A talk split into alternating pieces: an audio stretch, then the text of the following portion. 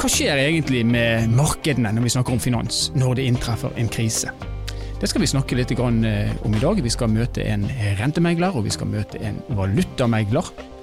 Og så skal vi kanskje få et litt tydeligere bilde både av hva som skjedde før krisen, under krisen, selv om vi fortsatt er under krisen, og hva som kanskje vi vil se når krisen endelig en gang er over. Dette er Nord-Norge i verden. Mitt navn er Stein Vidar Loftaas.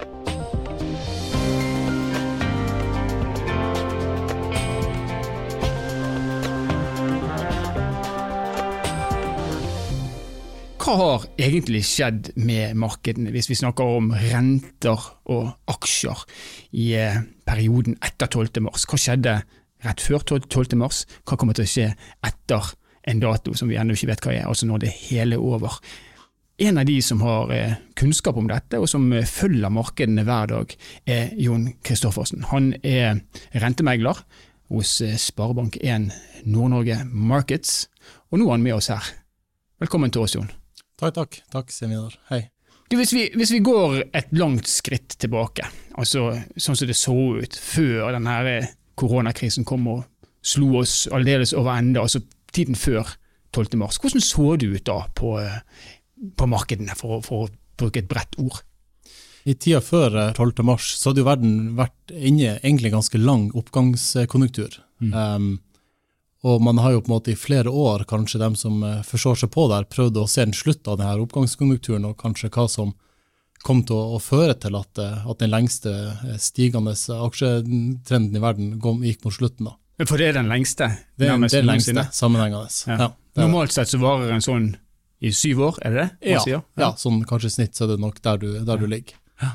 Så markedene var litt, eh, litt famlende. Eh, man hadde jo merka hva som holdt på å skje i Kina fra desember og inn januar, men eh, med børsene og på en måte fryktindeksene sånn som vi måler i finansmarkedene, var på ingen måte klar for det som var i ferd med å skje. Så man ante egentlig fred og ingen fare, på sett og vis? Ja, da, altså man har vært gjennom lignende måte, situasjoner med, med, virus tidlig, med, med SARS og fugleinfluensa og sånn, men det var relativt mm begrensa effekt. Det var på ingen måte ja. det vi så nå. Ja. Kanskje det var det markedene trodde. Men så kom 12. mars, og hva, ja. hva så vi da?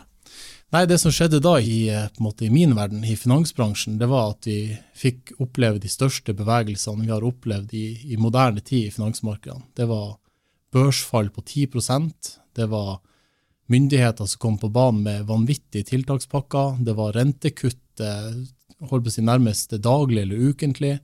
Det var råvarekurser som stupte. Det var rett og slett utrolig eh, vanskelig situasjon og, og, en veldig sånn kaotisk eh, situasjon. Og likviditeten, altså pengene i markedene, var helt borte. Ja.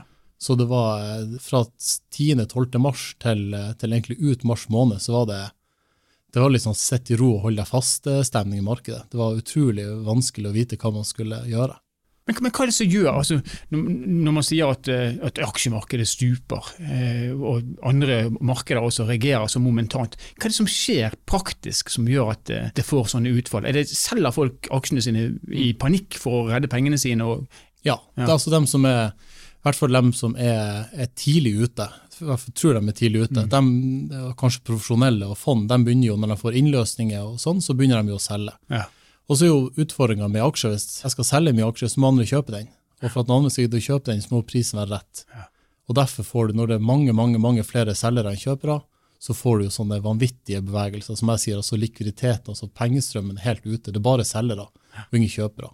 Og det gjelder aksjemarkedet, det gjelder, det gjelder valutamarkedene, det gjelder råvaremarkedene, alle sammen. ikke sant? Hvis, hvis, du tror at ting skal falle, og det er kaotisk, og ingen vil kjøpe, så får du sånn selvforsterkende effekt eh, nedover. Men Dette her er jo tendenser som man har sett ved kriser tidligere. Eh, den panikkbevegelsen den er ganske lik og gjenkjennbar. Men det var én ting med krisen denne gangen som var litt annerledes, og det var nemlig, som du var inne på, myndighetenes både vilje og deres eh, kjappe respons i forhold til å, å, å begynne å stimulere. Mm. Ja, det var nytt. eller holdt jeg på å si. De, de reagerte og agerte både tidligere og mer enn de har gjort tidligere. Mm.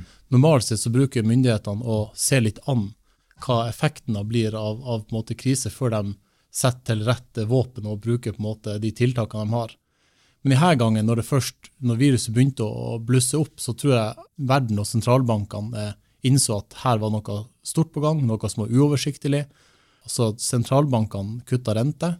Ser man til USA, så hadde de kutta de renta med, med 1,5% i løpet av ei uke.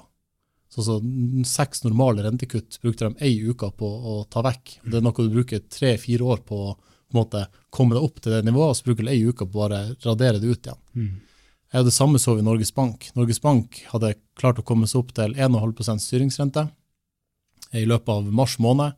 Utenom rentemøtene, vel å merke også, så satte de renta ned i null. Eller si de brukte frem til mai for å sånn helt ned i null. Men, eh, men, det er klart sentralbankene var veldig tidlig ute. Eh, og de gjorde i tillegg, eh, som er kanskje enda mer omfattende denne gangen, det er at de har brukt, kommet med alle de tiltakspakkene. Mm. Eh, permitterte mm, ansatte skulle få lønn, bransjer skulle få hjelp.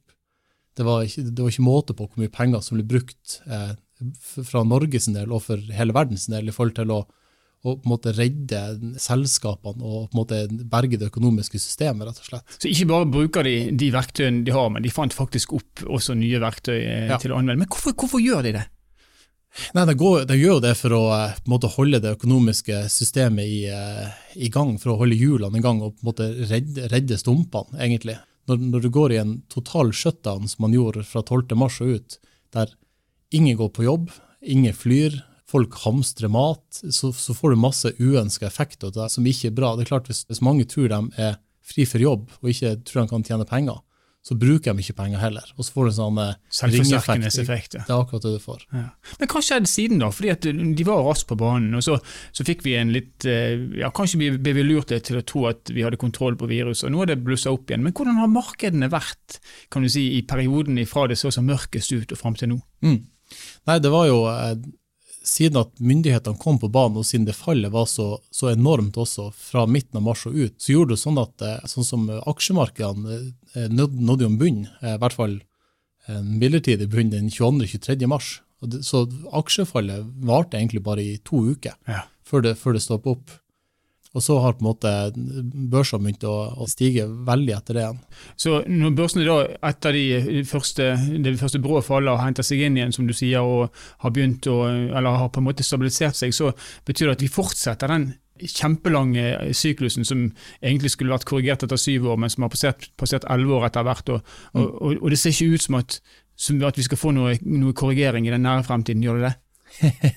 ja, Det er jo selvfølgelig vanskelig å du, si. Du liker men, å på? Nei, ja, ja, nei, eh, man, vi må jo mene noe om det. Nei, det er klart, eh, Med de tiltakspakkene eh, som kom på banen, og det fallet som var så raskt og så brått, mm. så har jo finansmarkedene henta seg inn overraskende bra, vil jeg si. Altså, Ser man nå på status i markedene, så er jo, ser ting si, overraskende, eller skal jeg bruke urovekkende normalt ut.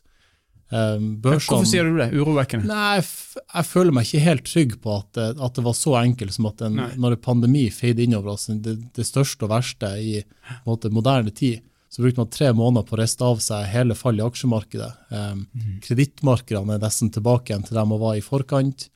Råvareprisene er fortsatt litt lavere, men, men kommet seg betydelig opp. Mm. Så eneste marked som fortsatt ligger på en måte nede med knekt rygg, er rentemarkedet. Ja, for renten er jo borte vekk, renten, for å si det sånn. Ja, renten er null. og ja. Eh, ser man til sentralbanker nå, så, så, så, mener jo de at renta skal være null, i hvert fall i Norges del, ut 2022. Eh, og ser man på en måte med de, med de lengre brillene på i forhold til tiårsrente rundt omkring i verdens statsrenten, så er de på et nivå som er 1% og lavere, og, og, og, godt under det som er på en måte inflasjons- eller prisventing i verden. Men betyr det her, for hvis vi skal bruke enkle og folkelige ord, så kan vi si at eh, nasjonen har trykt penger, og de fortsetter å trykke penger eh, for å holde hjulene i gang. Og folk reagerer på det med å kjøpe dyrere boliger, de eh, velger å fortsette å investere i aksjer. Gjør vi nå økonomiske grep eh, som kommer til å ramme oss sjøl på sikt, sånn som du ser det? Det er selvfølgelig det er jo et veldig vanskelig spørsmål, men, men, du er inne på noe. Det er klart det, det markedene og investorene har lært seg nå, det at når ting, helt siden finanskrisa egentlig, så når ting blir vanskelig i markedene, så har man lært seg at sentralbankene og myndigheter kommer inn og på en måte redder dagen. Mm. Så bare tørre å være investert i f.eks. aksjemarkedene eller i, i obligasjonsmarkedene eh, med, med, så mye penger som du egentlig klarer, det har lønt seg veldig. For at hver gang en ny krise kommer, så kommer sentralbankene og redder, redder dagen. Ja. Så, så, det er klart, man, om det skal vare og kan vare inn i evigheten, det er ikke godt å si. Men det er klart det, det koster også penger for, eh, for sentralbankene å bygge opp eh, balansene sine med så mye som de har gjort de siste tida. Og det vil jo på et eller annet tidspunkt måtte normalisere seg, og hva effekten av det blir, det er ikke godt å si. Men det er klart um, at det kan bygges opp litt finansielle ubalanser mm. i den tida vi har vært gjennom nå, det er jeg overbevist om. altså. Og så er vi fortsatt i korona. Vi står til knes i koronamyra, så jeg en skrev i avisen forleden dag. Og vi ser ennå ikke noe eh, bevis på at vi har løsningen på utfordringen. Dersom vi tipper utfor kanten på nytt, hva verktøy har da de forskjellige nasjonene for å hanke dette her inn en gang til? Mm. Ja, nei, det, det, er jo, eh, det, er jo, et godt spørsmål, det også. Men for det første så må jeg si at jeg tror ikke vi får en ny total lockdown. Jeg tror ikke vi er der. For i motsetning til februar-mars så er markedet nå forberedt. Vi vet at mm. korona er blant oss. Mm. Og det ser vi nå, måten Norge har agert på, og, og forstått Europa og USA, på å ta de små stegene hele tida. Man, man, strammer inn litt og litt og litt, istedenfor å stramme til totalt, sånn at alt bare, alt bare stenges. Mm. Så jeg tror på en måte ikke vi, vi kommer til å oppleve en, en total lockdown igjen, for det, det, springer ikke helt ut av kontroll nå. Folk reiser nesten ikke, så du, du klarer å holde nasjonal smitte på en måte i sjakk. Ja. Men, men, du ser at eh, senest i går fra Spania, så 40 000 nye smitta siste uke, fordi at de åpna opp for fort. Mm. Samme så du tidlig i sommer fra USA. Så det er jo det som er på en måte millionspørsmålet. Hvor lang tid tar det før du kan åpne opp samfunnet og verden til en kall normalsituasjon?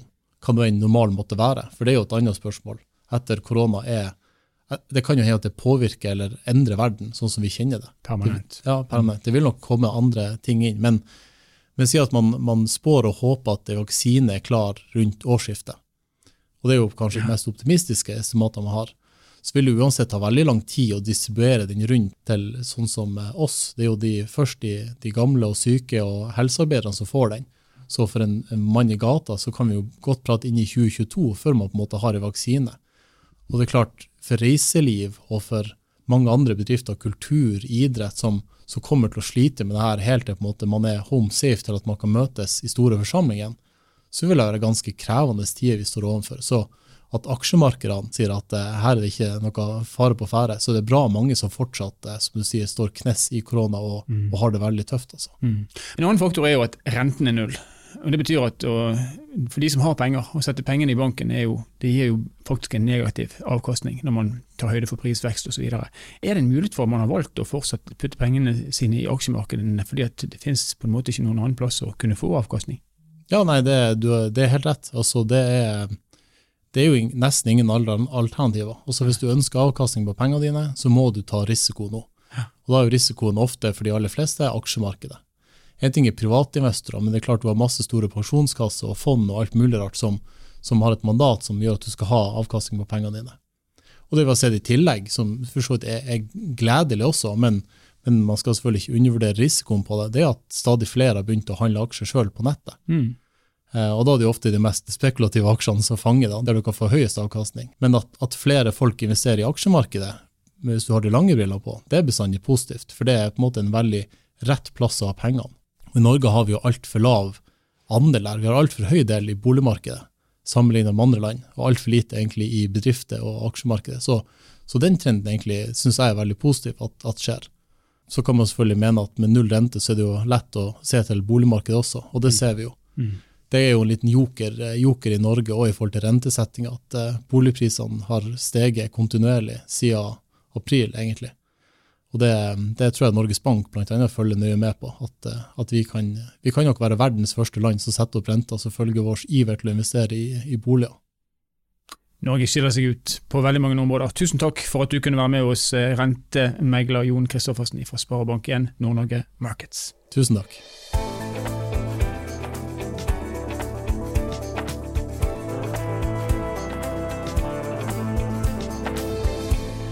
Så børsen og aksjemarkedet lever altså i beste velgående.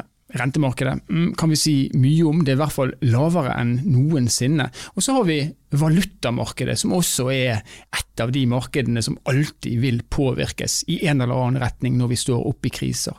Og Nå har vi med oss eh, valutamegler Tina Norden, også hun fra Sparebank1 Nord-Norge Markets. Velkommen til oss, Tina. Takk skal du ha. Du, Jeg har lyst til å spørre deg, Du følger valutamarkedene og har gjort det over, over år. Hva så du opp imot 12. mars, og hva har du sett i, i perioden? Hvordan har valutamarkedene reagert på det som har skjedd?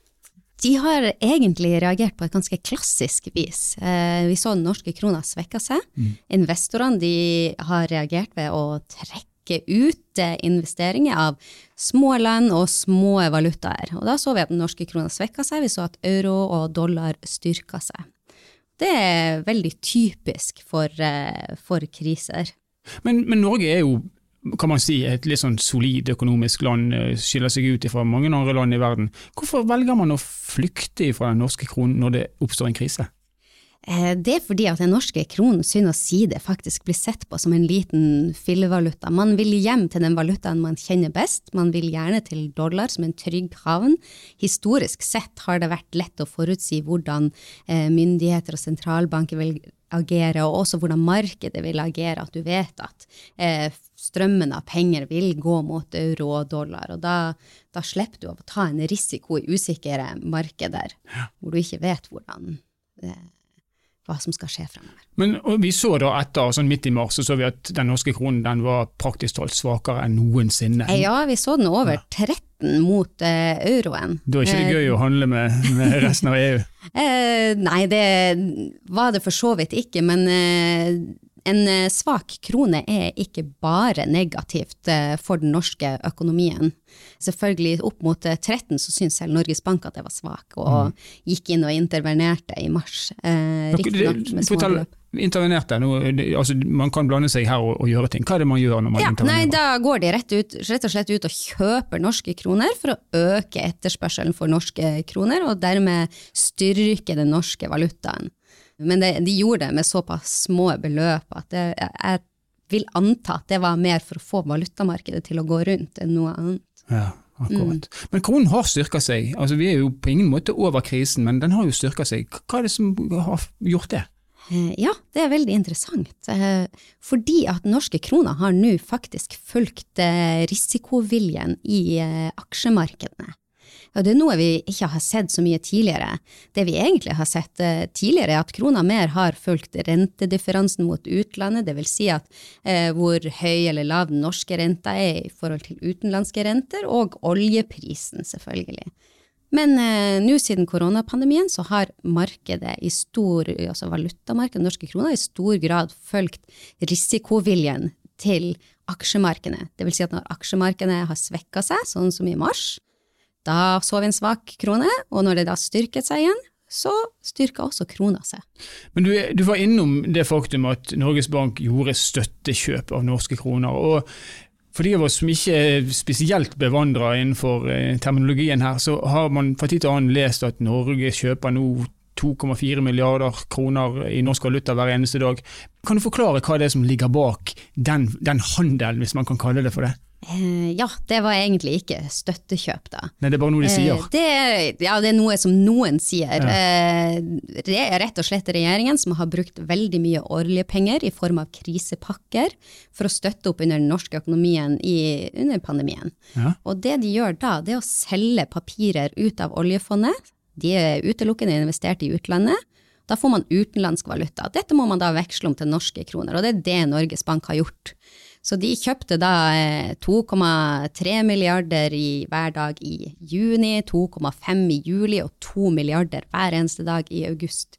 Og det er rett og slett for å dekke opp under eh, underskuddet. Så når vi snakker om å bruke oljepenger, så det man i praksis gjør, ikke, man går ikke i safen og henter penger, man, man, selger altså aksjer som man da har kjøpt i utenlandske selskaper, ja. får betalt i dollar eller euro eller hva det er, så bruker man det til å veksle inn i norske kroner. Ja, for som man sikkert allerede har vært inne på her, så er renten historisk lav, og man får ikke mye avkastning av å ha penger i banken. Eh, det er også veldig urealistisk med sånne store summer. Mm. Og da har eh, Finansdepartementet bestemt, og Norge har bestemt seg for at eh, vi skal investere pengene, og vi skal spre risikoen vår, slik at den reflekterer den risikoen vi har for når vi skal handle varer mm. fra utlandet. Så da er jeg investert i utenlandske papirer. Ja. Mm, aksjer, obligasjoner og eiendom i utlandet. Og Med de summene som du her eh, forteller om, altså mer enn to milliarder kroner for dagen, så skulle man jo da tro at oljefondet skulle bli vesentlig mye mindre verdt på ganske kort tid. Men det motsatte har jo skjedd. Oljefondet er jo mer verdt nå enn når vi gikk inn i krisen, så vidt jeg klarer å se. Ja, der har du et par ting som har virket for deg. Det ene er at aksjemarkedet har jo gått opp tross en krise. Det her er teknikaliteter man kan komme inn på, men eh, mye har vært at eh, sentralbanker og regjeringer har støttet opp under økonomien, sånn at markedene har gått bra. Mm. Det andre er jo at når den norske kronen svekker seg, så eh, ser det jo ut som vi har veldig mye mer mm. penger i norske kroner mm. enn det ville gjort hvis det motsatte hadde skjedd. Så vi har fått en dobbel effekt, og kanskje en trippel effekt, for dette har jo kanskje også da tjent som, eller på samme måte som et støttekjøp. Det er nettopp det det har gjort. Det har tjent som et støttekjøp for kronen. Dette er betydelige andeler. Vi snakker rundt 3-4-5% av omsetningen i norske kroner per dag. Hva tror du vil skje fremover nå med valuta? Hvordan vil den norske kronekursen bevege seg i tiden fremover? Eh, ja, det er veldig vanskelig å si. Vi ser fortsatt på krona som litt svak, men eh, nå med noe begrensa oppside. Eh, det avhenger selvfølgelig av oljepris, men først og fremst av risikoviljen i markedet, som vi snakka om tidligere. Og den er her drevet av frykten for pandemien og utviklingen av koronaviruset, jakten på en vaksine. Og også det amerikanske valget, som kan ha noe å si uh, for usikkerheten i markedet. Mm. Men hvis vi går tilbake 15 år i tid, eller 13 år i tid, så husker jeg at vi hadde en kroneverdi på Altså en amerikansk dollar koster fem kroner eh, på det laveste. Kommer vi tilbake igjen til det nivået, tror du noensinne? Fem, fem, kroner, eh, det vil jeg nok tro at vi ikke ser med det første. Mm. Eh, det er mye som har endra seg eh, siden den tid, og da var det noe helt spesielt med at vi var i en finanskrise eh, som, hvor, som oppsto i USA. Mm. Så fem kroner, eh, den tror jeg vi skal se lenge etter. Men uh, nå har jo dollaren svekka seg, og vi er under ni på, på, dollaren. Jeg tror nok at hvis det stabiliserer seg, så, og det ikke er så mye usikkerhet i markedet, så er det isolert sett bra for den, for den norske krona. men kommer ikke til å bli fullt så gøy å dra på ferie i USA, forstår jeg, som det var før. Men norsk krone, jeg holdt på å si lav eller høy, hot or not, hva, hva, er, hva, er, mest gunstig for norsk økonomi? Er det at kronen er vedvarende lav, eller er det det motsatte? Ja, eh, For å ta Nord-Norge, landsdelen som vi befinner oss i, ja. så er det jo veldig bra med en lav eh, krone. Hvorfor det? Fordi at vi har veldig mange eksportbedrifter, og de eksporterer til utlandet. Da blir norske varer i utlandet vesentlig mye billigere, mer konkurransedyktige, og etterspørselen for de øker. Som vil gjøre at eksportbedriftene i Nord-Norge går bra. Vi har mm. også en stor eh, turistsektor og det vil si at når turistene skal reise på ferie og velge seg et turistmål, så blir Norge veldig mye mer attraktivt mm. når det er billigere å reise hit. Ja, mer, Vi blir mer konkurransedyktige, egentlig, rett og slett. Ja, rett og slett. Ja. Men for den generelle norske forbrukeren, og nordnorske forbrukeren også, eh, så vil det jo merkes på lommeboka med at eh, klær, biler, elektronikk og vinen din på polet blir dyrere, for det er noe vi importerer fra utlandet. Mm. Så her er det litt på plussiden og litt på minussiden. Ja, men som helhet så er jo en svak krone bra for uh, norsk uh, eksport uh, og Nord-Norge generelt. Ja, så for, for nordnorske eksportbedrifter så betyr det her at de kommer til å være konkurransedyktige, og det er jo sannsynligvis da gunstig for sysselsettingen, kanskje? Helt klart. Helt klart. De, de, må da ikke permittere like mange, eller si opp folk. De kan til og med oppleve vekst. Uh, nå er det veldig vanskelig for turistnæringen uh, når grensene har vært stengt, og mm. uh, det selvfølgelig er vanskeligere å reise. så der ser vi jo at uansett så vil de bli rammet, svak krone eller ikke. Her er det nok mer pandemien som spiller en rolle. Ja. Men på lang sikt så vil de være konkurransedyktige? På lang sikt er, er, vi mer konkurransedyktige, og vi har en fantastisk flott landsdel å vise frem også, så Ikke minst. det er fint at turisten da kan dra nytte av det. Tusen takk skal du ha, Tina Norden, valutamegler hos eh, Sparebank1 Nord-Norge Markets. Takk skal du ha.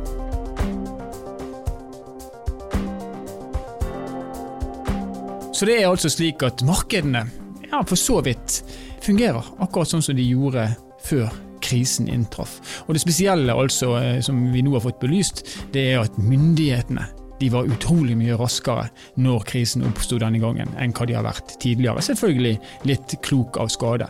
Og så er kanskje medaljens bakside at uh, veksten vi ser, stabiliteten og veksten i aksjemarkedet osv., den er litt kanskje drevet av kunstige stimuli, og en dag må jo det ta slutt. Og så er håpet selvfølgelig at en vaksine mot koronaviruset, altså en, en endelig seier over, eh, over, pandemien, er det som skal være startsignalet for en normal eh, tilstand igjen i verden.